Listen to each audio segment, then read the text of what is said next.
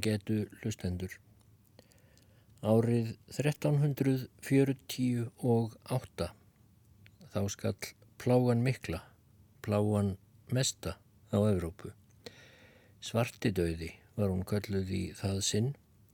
Hún hafði komið áður og kom líka aftur setna en í þetta sinn voru hervirki hennar skelvilegri en bæði fyrir og síðar. Pláan svartidauði á vel að merkja ekkert skilt við þá veirusíkingu sem nú keisarum veröld. Svarti döði var í fyrsta lagi bakteríusíking, ekki veirusíking, þótt það skipti kannski litlu máli fyrir þá sem fyrir verða. En pláanum miðja 14. öld var miklu miklu hættulegri sjúkdómur en sá sjúkdómur sem nú hrellir okkur, slæmur sem hann er.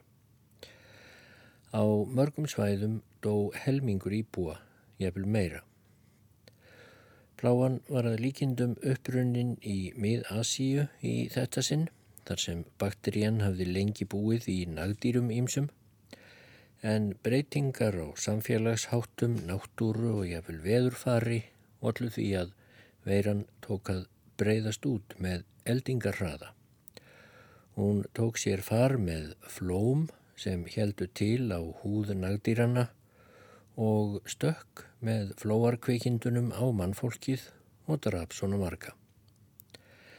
Allstaðar skild hún eftir sig sviðina jörð en eins og alltaf gerist þá fóra lokum ímislegt að spretta upp úr henni sviðinu jörð þegar allt var um gardi gengið og meðal þess fyrsta sem spratt í þetta sinn var bók eitt af meistaraverkum evrópskrar bókmyndasögu. Giovanni Boccaccio hétt maður. Hann var tæplega færtugur þegar plágan hóf göngu sína um Evrópu. Hann var fættur í Flórens og bjóð þar lengst af. Flórens var þá blómlegt líðveldi, helgað kaupskap og endurreysninni. Boccaccio var skáld í bland við ímislegt annað Hann reyndi líka fyrir sér í business og í lögfræði en þegar mest í hryllingur svartadauða var að baki þá settist hann við og skrifaði þykka bók sem heitir Decameron á ítölsku. Tí dagra hefur hún verið kölluð á íslensku, tíu dagar þýðir heiti hennar bókstaflega. Og þar segir frá því þegar sjö konur og þrýr karlar leita á samt þjónustu fólki hælis í afskektum kastala þegar plágan ætlar að drepa allt umhverfis og til að hafa ofana fyrir sér í þessari sjálfskeipuðu sótkví þá ákveður fólkið að skiptast á að segja sögur og Decameron geymir svo þessar sögur. En í formála bókarinnar er lýsing á plágunni eins og hún hafi gengið um Ítalju. Þetta er einn merkilegasta samtíma lýsing á svarta dauða sem til er þótt menn séu reyndar ekki alveg vissir um hvort Boccaccio sjálfur upplýfði pláguna í Flórens eður ei en það voru allavega nógir til þess að segja honum frá þeim herrvirkjum sem plágan hafði unnið. Teksta þessa formála ætla ég að lesa í þessum þætti og þarf ekki að orðalengja um tilefnið. En ég ítrekka að sjúkdómurinn sem nú gengur kemst ekki einu sinn í hálfkvisti, ekki einu sinn í hundraðasta kvisti við þá plágu frá 14. öld sem Boccaccio lýsir í snildarlegri þýðingu Erlings Ebenessers Haldurssonar. Og svo segir í bókinni Frá blómberandi holdgun Guðssonar hafðu liðið 1348 ár þegar banvæn plága kom upp í þeirri viðkunnuborg Flórens sem að glæsileik ber af öllum borgum öðrum á Ítalíu. Sumir segja að plágan hafi komið yfir mannkinnið fyrir áhrif frá hímintunglunum, aðrir að hún hafi falið í sér réttláta reyði guðs og verið sendt döðlegum mannum til betrunar. En hvað sem um það er, Þá átt hún upptök sín nokkrum árum fyrr í Östurlöndum þar sem hún varð mörgum manninum að bana. Uns ógnir hennar breytust vestur á bógin, vaksandi að styrk eftir því sem hún þandi sig lengra úr einum stað í annan. Gagvart þessum veikindum varð mannlegt vit og fyrirhyggja að engu. Mikið af úrgangi var reynsað upp og flutt úr Flórensborg af opimberum starfsmönnum sem voru sérlega til þess kvattir, öllum sjúkum mönnum var neitað um ingöngu og margvíslega ráðstafanir gerðar til að varðveita hilbrigði manna en allt kom fyrir ekki. Auðmjúkar bænir til Guðs sem hinnir trúuðu fluttu ótölulegar í helgigöngum eða af öðru tilefni, þær kom ekki að neinu gagni. Undir vor þetta sama ár sem til var greint tóku hryggileg áhrif pláunar að byrtast á skjelvilegan hátt og það svo undrum sætti. Engjanninn voru af einhverjum ástæðum ekki hinn sömu og í austurlöndum þar sem blóðurrensli úr nefi var skílaus fyrirbóði döðans. Þvert á móti fyrstu engjanni pláunar í Flórens eins hjá körlum sem konum voru bólgunappar sem byrtust í nárum og handarhóli á stærð við eppli, aðrir eins og egg, sem er stærri, aðrir minni, almenningur kallaði á gaf og tjóli. Frá þessum tveimur stöðum áður nefndum tók þetta banvæna tjóló að dreifast og innan skams byrtist það hér og þar um allan líkamann. Eftir það fór útlitt sjúkdómsins að breytast Svartir dílar eða fölbláir komi í mörgum tilfellum fram á handleggjum eða lærum eða annar staðar. Ímist fáir og stórir eða smáir og strjálir. Og eins og Gavocciolo hafði verið og var raunar enn óbreyðult merki um aðstæðjandi dauða, þannig voru þessir flekkir það líka hvar sem þeir komi í ljós. Engin læknisráð Ekkert meðal virtist geta bugað þennan sjúkdóm eða ráðið bótáunum. Ef til vill var eðli hans líkt að ekki var til við honum neitt meðal.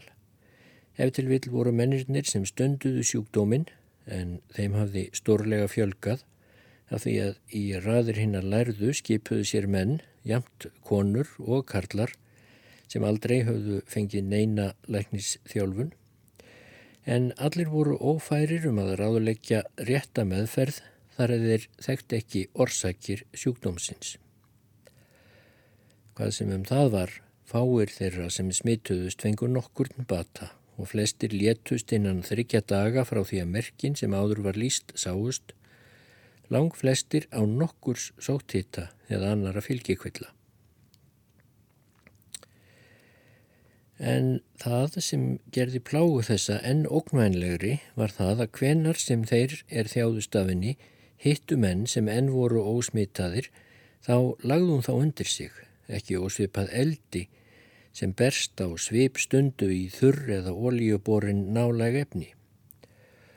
Og það sem meira var, ekki einungis það að taka hinn veika tali eða hafa við hann samneiti var þess valdandi að menn síktust svo ekkert beð þeirra nema ræðilegur döðin heldur virtust menn fá veikindin ef þeir snertu född eða aðra hluti sem fórnarlömpin höfðu farið höndum um eða notað. Stórfurðulegt má það svo heita sem ég mun nú segja og væri það ekki fyrir þá staðrind að ég á samt mörgum öðrum sá það eigin augum þá myndi ég tæpast voga að trúa því hvað þá að festa þá á blað. Vil þótt ég hefði hyrtað af vörum sannordra. Pláan sem ég er að lýsa var svo bráðsmitandi að mjög oft var ljóst að hún barst ekki aðeins frá manni til manns. Hvenar sem einhver skeppna var til þess að snerta eitthvað sem heyrði til manni sem hafði tekið veikina eða dáið úr henni, þá veiktist hún ekki bara, heldur dó hún að kalla samstundis. Að þessu varði ég vitni eigin augum eins og ég hef þegar sagt oftar en einu sinni.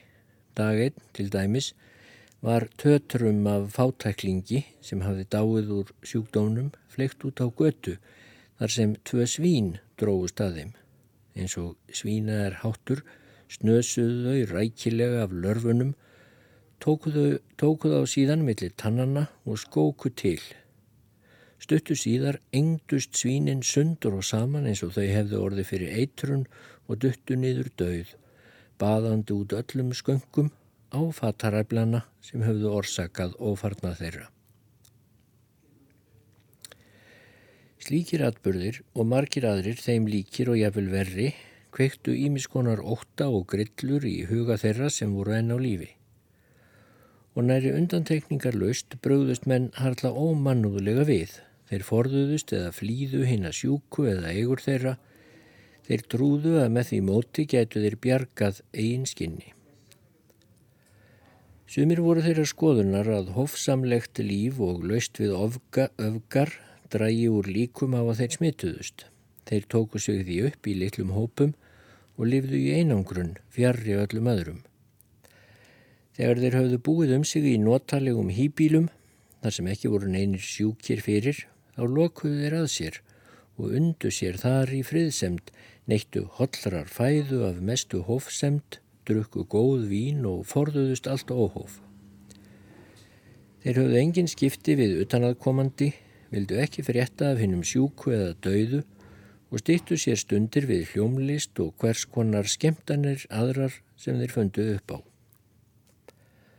Aðrir voru alveg öndverðrar skoðunar og álítu óbreyðult ráð til að bæja frá sér þessari óttalegu vá að drekka stíft, njóta lífsins til fullnustu, fara um syngjandi og trallandi, fullnæja öllum sínum löngunum hvenar sem færi gafst og hafa bölfunina í flimtingum.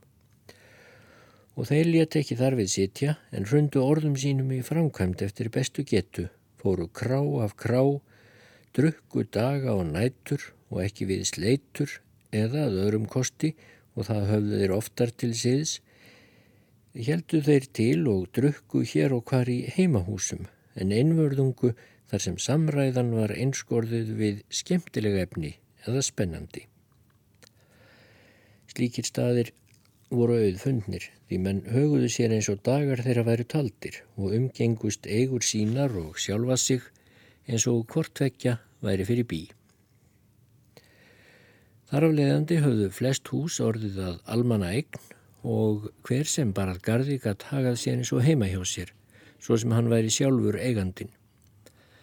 En hversu skefja laus sem lipnaður manna var, gættu þeir þess vel að forðast allan umgang við sjúklinga.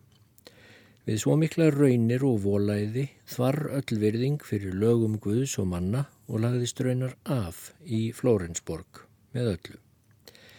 Því eins og allir aðrir hafðu klerkarnir og embættismennirnir sem voru ekki annarkort dauðir eða sjúkir svo fáa undir menn á sínum snærum að þeim var íllfært að gegna skildum sínum.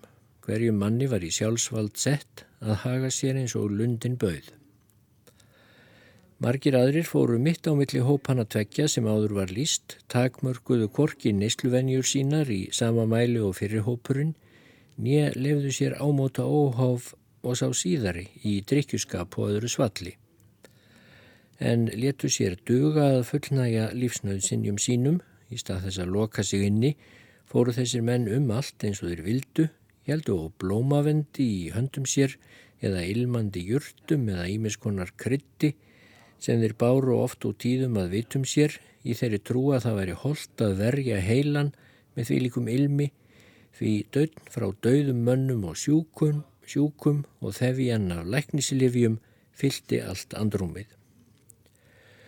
Nokkrir voru þeir sem leituð á þeim kosti sem örugostur var og töldu vorhertir menn ekkert ráð betra eða áhrifaríkara við pláunni en að flýja hana. Allteknir af þessari álíktun og anþess að hyrða neitt um aðra en sjálfa sig, yfirgáfu margir karlar og konur borgina, heimili sín, skildfólk sín, skildfólk sitt, óðul sín og eignir og heldu upp til sveita, annarkort í umdæmi borgarinnar eða sem betra þótti erlendis.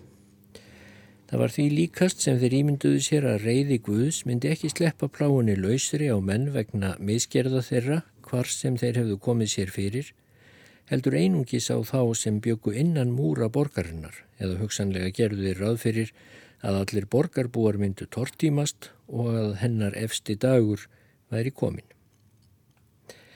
Þeir sem aðhyldust þessar ólíku skoðanir dóu ekki allir og ekki lifðu þeir heldur allir af. Þvert á móti, margir þeirra sem játuðust undir þær, svo ólíkar sem þær voru, fengu pláuna hér og þar og hvar sem var og þar eða þeir höfðu meðan þeir voru heilir heilsu og vel á sig komnir, gefið þeim fordæmi sem enn voru ósmitaðir, þá vestluðust þeir reynlega upp án neittnar aðleiningar. Það var eftir vil ekki tiltökum ál þótt borgararnir sneittu hverja öðrum eða að mennæri ófrávíkjanlega hyrtu ekki um granna sína eða sættu skildmenni sín heim og kostuðu lauslegri kveðju á þá úr fjarlagð. Pláan hafði lætt svo miklum hryllingi inn í hjörtu Karla og Kvenna að bræður yfirgáfu bræður, frendur sína ættbræður, sistur bræður sína og það kom tíðum fyrir að konur hlipust á brott frá einmönnum sínum. En verra var þó, og nærið að segja ótrúlegt, feður og mæður neituðu að hjúkra og annast um sín eigin börn eins og þau væru þeim alveg óvandabundin. Óheyrilegur fjöldi þeirra er síktist, jamt karlar sem konur, var því algjörlega komin upp á kærleika vina sinna en þeir voru harla fáir þegar á reyndi eða fjegráðugra þjóna en þeir voru ekki á hverju strái þótt há laun væru í boði og ekki í neinu samræmi við þjónustuna sem þessir fjegráðugu þjónar indu af hendi. Þar við bættist að þeir síðanemdu, sem voru af báðum kynjum, stígu ekki í vitið og meiri hlutin allsendis óvanur slíkum skildustörfum. Þetta fólk gerði því lítið annað en færa sjúklingnum það sem hann baðum og vaka yfir honum meðan hann var að deyja. Og mjög oft misti þetta þjónustu fólk reyndar lífið á samt tekjum sínum. sem afleiðing þess hver almennt það var að nágrannar, skildmenni og vinir yfirgefu sjúklinga og vegna þess hver þjónustu fólk var orði fágætt. Þá komst svo siðvenja á sem var næsta fáheyrð fram að þessu að þegar kona síktist af veikinni þá skipti litlu hver gufu eða fögur eða ættstór hún var þá reyfði hún engum mótmælum þótt karlmaður hlindi að henni, hvort sem hann var ungur að árum eða ekki. Ekki fann konan heldur til neittnar bligðunnar þótt hann fengi að sjá alla hennar líkamsparta. Hún opimberðunum þá jafn fúslega og um kon, ef um konu væri að ræða, ef líðan hennar var slík að nöðsinn bæri til.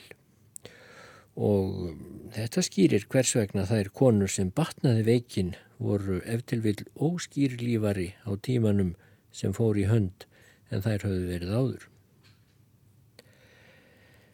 En fremur dóu margir sem hefði mátt bjarga með góðri aðlýningu en mjög skorti á að undværi að hlinnað sjúklingunum með hæfilegum ráðum og vegna þess hver pláan var skæð var fjöldi þeirra sem dói í borginni hver dag og hverja nótt svo gegvænlegur að allir urðu furðu sleiknir sem hyrðu hvað þá hinnir sem urðu í reynd vittni að mannfallinu.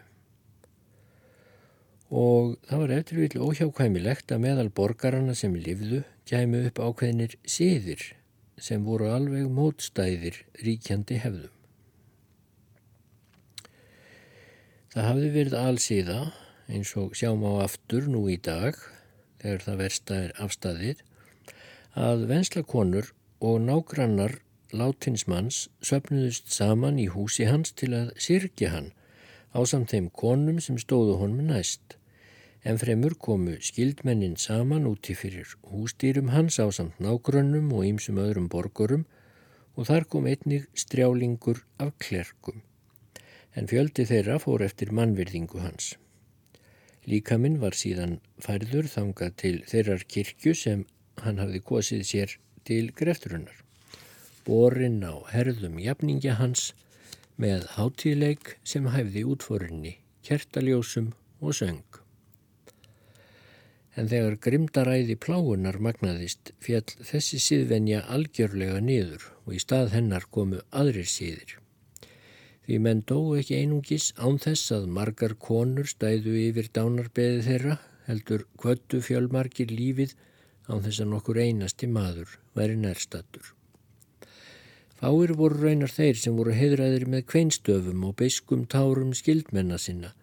Þvert á móti, ástfinnamissirinn var miklu oftar tilefni til gleðihlátra og nýttinirða og almenns fagnadar. Þann síð höfðu konurnar lært til fullnustu og þótti vissar að leggja nýður alla kvenlega vorkunsemi sjálfum sér til sálar heilla eins og komið var. En fremur var fátíkt að fleiri en tíu eða tólf nágrannar fylgdu líkunum til kirkju og ekki voru þau borin á herðum virtra og heiðarlegra borgara. Heldur kom þar til félagskapur gravara sem ekki hafði áður verið til og voru gravararnir sóttir í undirstjett samfélagsins. Þessir ófélegu náungar kvölluðust Beccini og tóku gjald fyrir þjónustu sína sem fólst í því að þeir tóku upp líkistuna og skunduðu hana. Ekki til kirkjunar sem hinn látni hafi nefnt, heldur venjulega til þeirrar kirkju sem stist var til. Þeim á undan gengu fjórir eða sex prestlingar í hóp sem heldu á einu eða tveimur kertum og stundum alls engum. En síður hafðu prestarnir fyrir því að flytja langa hátíðaræðu eða við hafa aðra grefturunarsiði. Þeir letu líkama hins látna einfallega síga niður í næstu tómu gröf sem varð á vegi þeirra. Aðbúnaður alls almúga og mikils luta borgarna var jáfnvel verri og átakanlegri Því blektir af óskeikju eða kreftir af fátækt heldu þeir kyrru fyrir í sínum hverfum, í hýbílum sínum, þar sem þeir vektust þúsundum saman á degi hverjum og þar eða þeir voru án umhyrðu eða hjálpar af nokkru tægi voru þeir óhjákvæmilega ofurseldir döðanum. Margir dóu um daga og nætur á götum úti. Margir þeirra sem dóu í heimahúsum Burt kölluðust á þess að nágrannarnir veittu því neina eftirtekt þanga til ódöðn af rótnandi ná kom upp um það sem gerst hafði.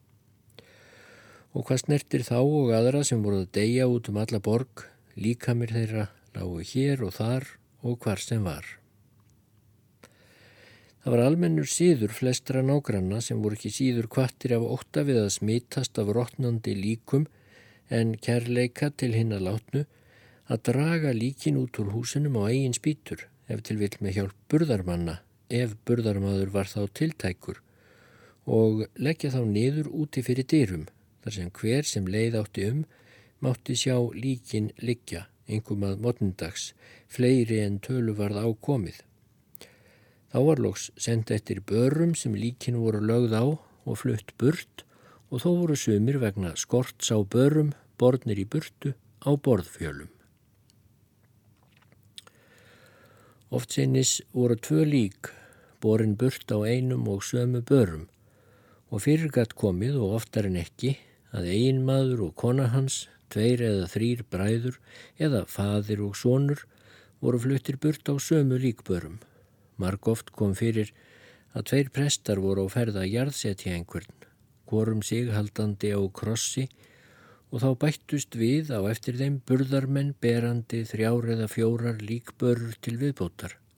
Svo prestarnir sem heldu að þeir þyrtu aðeins að jarðsetja einn mann höfðu fyrir en varði fimm eða sex að fástum og stundum fleiri.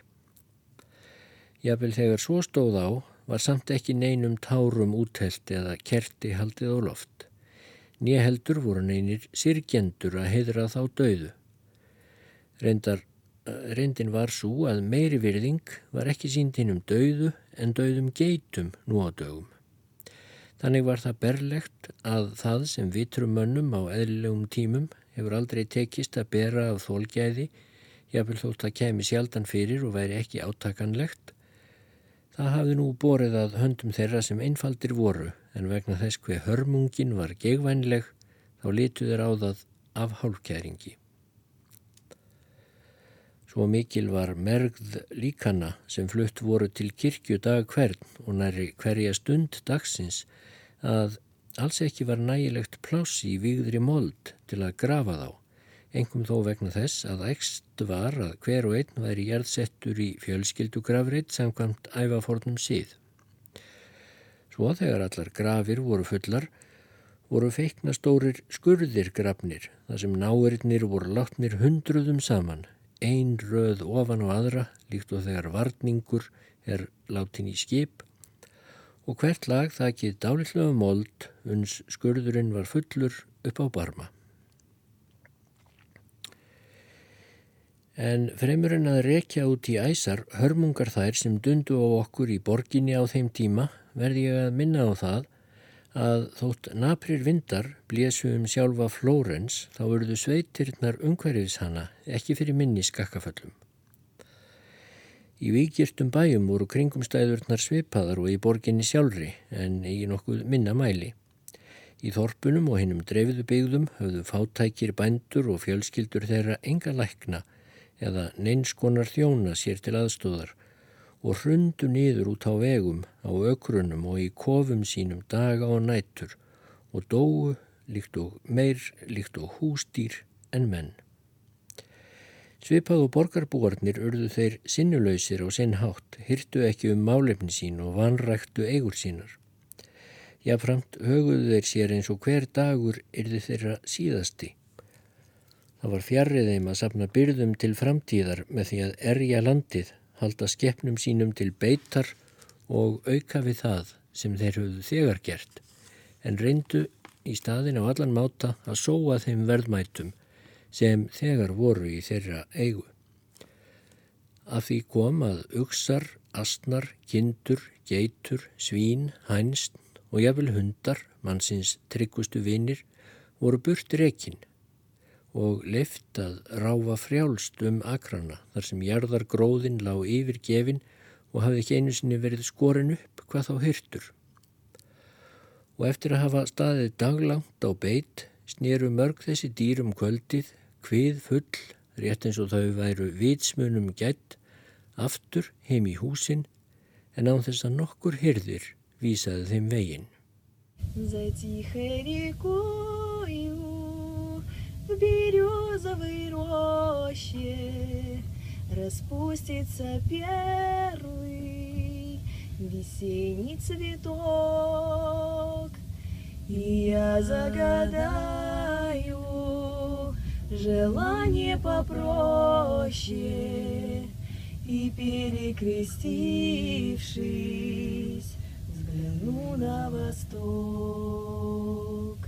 Окрасится небо багряной зарею, И вечное солнце над миром зайдет, зайдет, И белая птица взлетит над землею,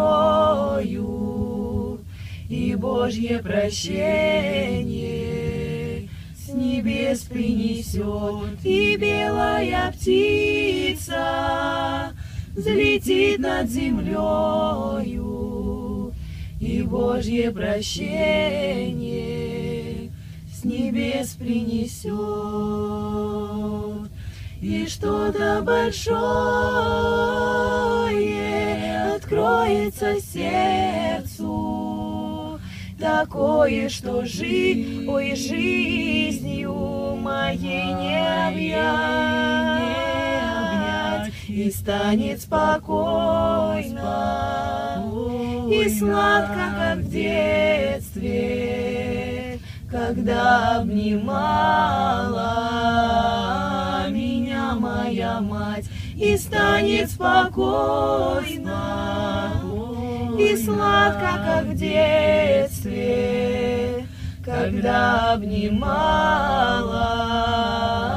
меня моя мать. Молитва святая, слезами прольется, Христовой любовью исполнится грудь и в это мгновение душа прикоснется к великой вселенной.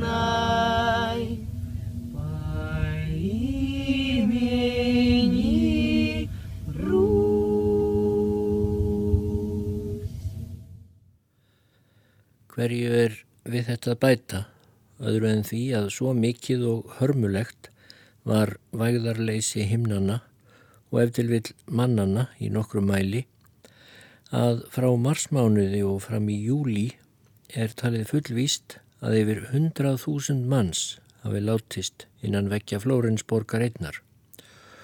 Og ástæðan var ekki einungis ofsi pláunar heldur og hver lítið var syndum marga sjúklinga eða þeir yfirgefnir á stund neyðarinnar að því þeir heilbrigðu voru of skefldir að koma nálætti.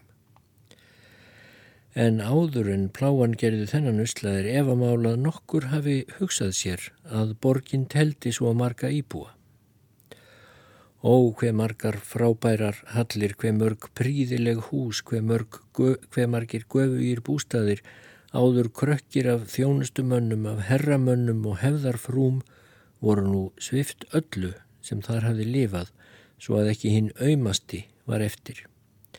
Hvað margar viðfrægar fjölskyldur, hvað margar viðlendar jarðeignir, hver mörg rómuð óðul stóðu nú uppi er vingja laus. Hvað margir drengskapar menn, hver margar indisfríðar hefðarfrúr, hver mörg svipfögur ungmenni að öllum öðrum ónemdum sem Galenos, Hippokrates og Esculapius læknarnir hefðu talið við hestahilsu, neittu árbýts að kvöldi með skildfólki, félögum og vinum og snættu um kvöldið með áum sínum í öðrum heimi. Heimi hinn að döðu. Því meira sem ég hugleiði alla þessa eimt, því dýpri verður sorgin í hjarta mínu.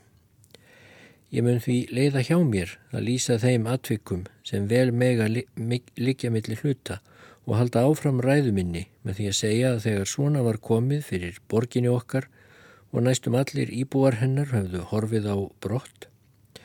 Þá var það þriðudagsmorgun einn, eða svo hef ég heyrt af vörum þeirra sem vel má treysta, að sjö ungar hefðarkonur hittust í henni virðulegu kirkju Santa Maria Novella sem að öðru leiti var næstum tóm.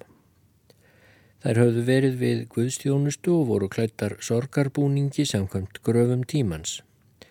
Hver þeirra var vinkonna, nágranni eða vensluð hínum sex, engin eldri en 27, engin yngri en 18 vetra og allar voru þær vel gáfum gettar, göfugar að ætterni, fagrar álitum, þokkafullar í fasi og hóværar í framgöngu. Ég gæti nefntar allar fullu nafni en hliðra mér hjá því af gildum ástæðum, nefnilega þeim að ég kæri mig ekki um að neyn þeirra þurfi að bera kynróða einhver tíma í framtíðinni vegna þeirra sagna sem hér fara á eftir og þær annarkort hlítu á eða sögðu ég vel sjálfar. Því nú á dögum eru reglur þær sem gilda um skemtanahald næsta strángar en á þessum tíma plágunar voru reglurnar afar slakar af ástæðum sem hafa verið tilgreindar hér að ofan, ekki aðeins að því er snerti hefðarkonur, þeim samaldra, heldur einnig miklu eldri konur. Auk þess hef ég litla laungun til að gefa íllum tungum sem ættið eru reyðubúnar að gaggrína fagurti lífverðni tækifæri til að sörga lofsamleg nöfn þessara virðulegu kvenna með klúru tali. Ég hef því í hyggju svo við getum áttað okkur greinilega á hvað hver sagði að gefa þeim nöfn sem komað nokkur leiti heim við lindisengun hverjar og einnar. Hinn fyrsta og jáframt sem jáframt var elstað árum skal því heita Pampinea, svo næsta Fíametta, svo þriðja Fílómena, Emilia, svo fjörða Þá skal svo fymta heita Láretta og hinn sjötta Neyfíle og svo síðasta og það ekki að ástæðu lausu skal fá heitið Elísa. Konur þessar sjö voru þarna samankomnar án þess að þær höfðu kveðið svo á fyrirfram og af hreitni tilviljun og sátu í ring á sama staði í kirkjunni þar sem þær þuldu fadir vorið. Þegar þær höfðu lokið því andvörpuðu þær stórum og fóru að tala sín á milli um aðskiljanlegustu atburði þeirra hörmulegu tíma sem þær gengur nú í gegnum. En eftir litla hríð urðu þær allar hljóðar nema Pampinea sem sagði. Kæru stúlkur, þið hafið íðulega heilt í fleikt eins og ég að engin maður geti skadað annan með því að fylgja þeim rétti sem honum ber. Allir menn sem fæðast inn í þennan heim hafa náttúrlegan rétt til að styðja, viðhalda og verja eigið líf eftir bestu getu. Sá réttur er svo mjög viðurkendur að menn hafa stundum banað öðrum mönnum í sjálfsvörn og enginn hefur borið á þá sakir fyrir það. Sé þetta viðurkent af lögunum sem heil allra manna byggist á, hvernig getur það þá verið rangt af okkur og hverjum þeim sem vera skal ef það skadar ekki neitt að gera allt sem í okkar valdi stendur til að halda lífi. Þegar mér verður hugsað til þess hvað við höfum verið að gera í morgun og hvað við höfum gert hvern morgun undanfarnar daga og ef ég íhuga efni og eðli samræðu okkar, þá verður mér ljóst, rétt eins og ykkur hlýtur að vera ljóst, að hver okkar er hrætt um eigið líf. Þetta kemur mér alls ekki á óvart, en það sem ég furðar stórlega þar sem hver okkar hefur í brjóstinu kvenlegt eðli, er að við gerum ekkert til að hlýfast heim hlutum sem við óttumst með réttu. Við látum hér fyrir berast í því skíni einu að mér sínist að telja líkin sem flutt eru til gravar eða til að fylgjast með því hvort heilægir bræður þeir fáu sem eftir eru syngja tíðir á tilsettri stund eða til að sína hvers eðlis harmur okkar er og hver mikill með þeim búningi sem við klæðumst. Og þegar við göngum út úr kirkjunni sjáum við dauðamenn og sjúkamenn borna um eða við sjáum þá sem hafa verið dæmdir í útlegð úr borginni af domstólunum fyrir ódáðir þeirra fara um borginna í hópum og storka með því lögunum þar sem þeir vita að upphaldsmenn þeirra eru dauðir eða deyjandi eða við sjáum dreggjar mannlífsins sem hafa fundið blóð þefin af okkur og kallast Beggini, valhoppandi á hesti vitt og breytt, syngjandi klúrirta söngva, spottandi ófarnað okkar í pláunni. Aldrei berst okkur annað til erna en þessi og þessi er dauður og þessi og þessi er að deyja og væru einhverjir eftir til að sirkja þá myndi allur staðurinn fyllast harmkvælum og gráti. Og ef við snúum heim til húsa okkar, hvað býður okkar þar?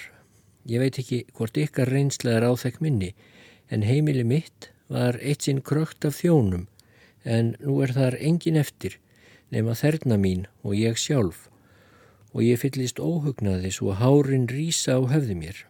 Í hvert sinn sem ég fer inn í húsið hvar sem ég sest niður til að kvílast, er ég sem ofsótt af skuggum þeirra sem hafa liðið burt með ásjónur sem virðast ekki eins og ég minnist þeirra heldur er svipurinn annarlegur og hryllilega afmyndaður svo ég missi af hryllingi alla stjórn á sjálfur mér. Það berað sama brunni hvort ég er hér í kirkjunni eða út á götu eða sitt heima, mér líður ávalt illa og það því fremur sem mér virðist að enginn hafi neinn tök á nýja neitt stað til að draga sig í hlje okkar eina atkvarf er við sjálfar. En þeir sem eiga þess enn kost gera engan greinarmun á réttu og röngu eins og ég hef sjálf séð og heyrt Hvattir af ílöngunum sínum gera þeir það sem veitir þeim mestan unað, jamt um daga sem nættur, einir eða í annars félagskap. Já, hér ekki einasta við ólærða menn en einning þá sem læstir eru inni í klaustrunum, þá sem hafa sannfærst um að slík hegðun hæfi þeim og sé einungis ósæmileg öðrum. Þeir hafi brotið hinn trúarlegu lögmál og aðhylst holdlegar listisemtir og telja sig þannig komast undan, þannig hafa þeir orðið lastafullir og gjálífir. Ef þetta er raunin, svo sem má vera sínilegt, Hvað eru við þá hér að gera? Eftir hverju erum við að býða? Um hvað er okkur að dreyma? Af hverju erum við eftirbátar allra annara borgara í því að tryggja okkar eigið öryggi? Teljum við okkur lítilsegildari en allar aðrar konur eða teljum við að líf okkar, ólíkt lífi annara, sé tengt líkamannum svo sterkum böndum að við getum hunsað hvert að afl sem getur skadað að. Ef svo er, þá skjáttlast okkur. Við höfum látið glepjast. Hvers konar ónáttúra býr í okkur ef við trúum þessu. Við þurfum bara að revi upp nöfn og aðstæður þeirra ungu manna og kvenna sem hafa orðið fórnarlömm þessa ræðilega faraldurs til að sjá hver fráleit slík skoðun er. Og af þeim sökum nema því aðeins að við teljum okkur yfir slíkt hafnar og viljum fullar sjálfsánæju láta undan því sem við getum hugsanlega forðast, þá myndi ég halda að það væri príðis hugmynd fyrir okkur, þótt ég veit ekki hvort þið eru þá samamáli, að fara burt úr þessari borg, svo sem margir aðrir hafa gert á undan okkur og eru raunar enn að gera. Við gætum farið og haldið út á eitthvert sveitasetrið sem við eigum ófá og forðast með því dauðan og hefði taumlausa hátterni samborgar okkar. Þar gætum við skemmt okkur og glaðst eins og lundin býður án þess að farað neynuleiti út fyrir takmörk skynseminar. Þar fáum við að heyra fugglasöng og við munum sjá skrúðgrænar hæðir og sléttur, kornakra sem bylgjast eins og sjórin og tre af þúsund mismunandi tegundum og við munum hafa víðari sín um heiminin því þótt skíin hrannist upp, fær hann ekki dölið fyrir okkur hinn að eilífu fegurð sína, svo miklu fegurra er að horfa á hann en ömurlega múrveggi borgar okkar.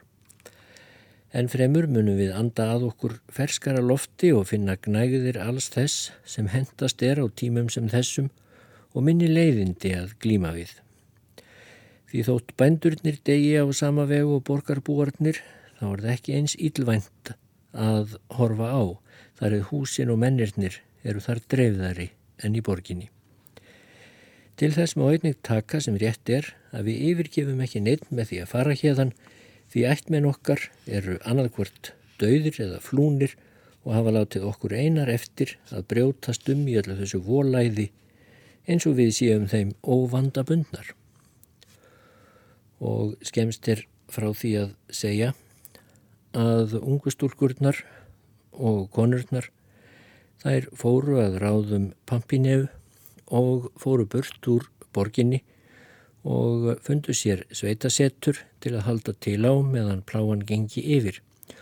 Og á leiðinni hittu þær þrjá unga menn sem fóru með þeim. Og Boccaccio lýsir staðnum þar sem, þær, uh, þar sem hópurinn leitaði hælis á þennan veg Staður sá var nokkur spöl frá öllum alfaravegum uppi á lári hæð þéttvaksinni rönnum og trjám í grænum laufskrúða til mikils indis fyrir augað. Efst á hæðinni stóð höll, byggð umhverfis fallegan og stóran húsagarð, hafði hún skílisvalir og skála og svefn íbúðir sem voru hver fyrir sig fagurlega byggðar og skreittar málverkum sem lístu gladværum uppákomum. Unaðslegir gardar og engi voru allt um kring og þar voru brunnar með svölu og hressandi vatni. Kjallararnir voru stokk fullir af ágætasta víni sem hæfði betur gómi vínsmakkara en algáðum digðugum megjum.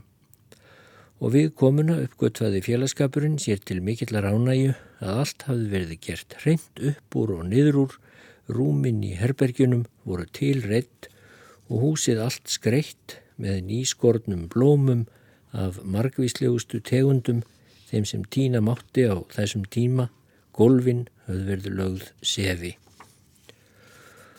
Og þarna sest hópurinn sem sagt að Pampi Nea verður fóringi hópsins, drottning er hún kölluð.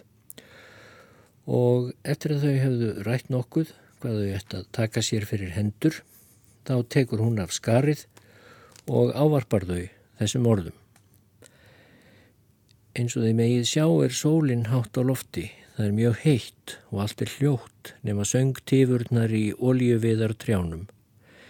Það væri næsta óráðulegt að fara eitthvað annað en það er staðurinn þar sem við höfum komið okkur fyrir svo hugljúfur og svalur. Þar þau ekki eins og þið fáið séð eru hér skákborð og aðrir leikir. Okkur er því frjálst að skemmt okkur á hvernan veg sem við kjósum. En ef þið viljið farað mínum ráðum þá ættum við ekki að fara í leiki á þessum heitasta tíma dagsins sem óhjákvæmilega hleypir íllu blóði í einhvert þáttakendana án þess að veita mótleikaranum mikla ánæju eða þeim sem horfa á. Heldur skulum við segja sögur, aðhæfi sem getur veitt sögumanni mikla skemmtun sem og öllum þeim sem á hann hlýða. Um líkt leiti og hvert ykkar hefur sagt litla sögu, hefur sólinn sest og dreyið hefur úr hittanum og þá getum við farið og skemmt okkur á hvertan hátt sem við kjósum. Við skulum því, ef ykkur líkar þessi hugmynd, fylgja fram þessari hugmyndminni. En fús er ég að verða við hverri ykkar ósk í þessu efni og séu þið ósamþygt til hugmynni, þá skulum við öll saman stitt okkur stundir á hvernan hátt sem við viljum fram að aftansöng. Allt samkvæmið, konur jæmt sem karlar, aðhildist að segja sögur. Þá gís ég, saði drottning, ef engin er á mótið í að á þessum fyrsta degi skuli hverju okkar í sjálfsvald sett að fjalla um hvert að efni sem honum eða henni er hugleiknast. Og hún snýri sér að hinnum fagra ungpilti Panfíló sem satt henni til hægri handar og baðan gjör svo vel að hefja leikin með einni af hans sögum. Til að verða við þeirri bón hóf Panfíló undir eins mál sitt sem svo fer hér á eftir og allir hlustuðu af aðtigli. Hafður er í minnum maður nokkur, Muscaccio Francesi sem hófst til vex og virðingar í Fraklandi eftir að hafa auðgast mjög á kaupmennsku. Svo neytist hann til að fara til Toskana með bróður konungs Fraklands, herra Karli Landlausa, sem Bonifacio Páfi hafði kvart til sín og heimtað á sinn fund. En er hann komst að því að fjárreiður hans, eins og alvananlegt er um kaupmenn sem dreifðar eru vitt og breytt um landið, og þar eða honum var um megn að koma í flíti á þær góður í skipan þá greipan til þess ráðs að fá þær í hendur einsum tilsjónarmæ